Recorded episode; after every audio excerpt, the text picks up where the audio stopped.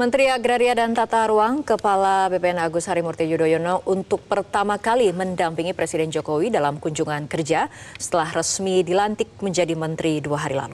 AHY turut menyaksikan peresmian bendungan Lolak, Kabupaten Bolaang Mongondo, Sulawesi Utara.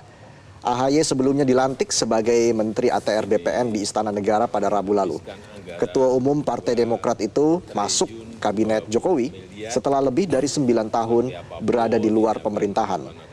AHY mendampingi Presiden Jokowi bersama anggota kabinet lainnya, yakni Menteri PUPR Basuki Hadi Mulyono, Menteri BUMN Erick Thohir, serta Gubernur Sulawesi Utara Oli Dondokambe. Selain AHY, Menteri PUPR Basuki Hadi Mulyono kembali hadiri peresmian infrastruktur bersama Presiden Jokowi. Sebelumnya Basuki sempat absen dari kegiatan Jokowi yang memantik spekulasi politik di pemilu 2024. Pengempatan air baku. Ya kalau sudah dirasa kurang, kalau di masyarakat sudah kurang, Jelajahi cara baru mendapatkan informasi. Download Metro TV Extend sekarang.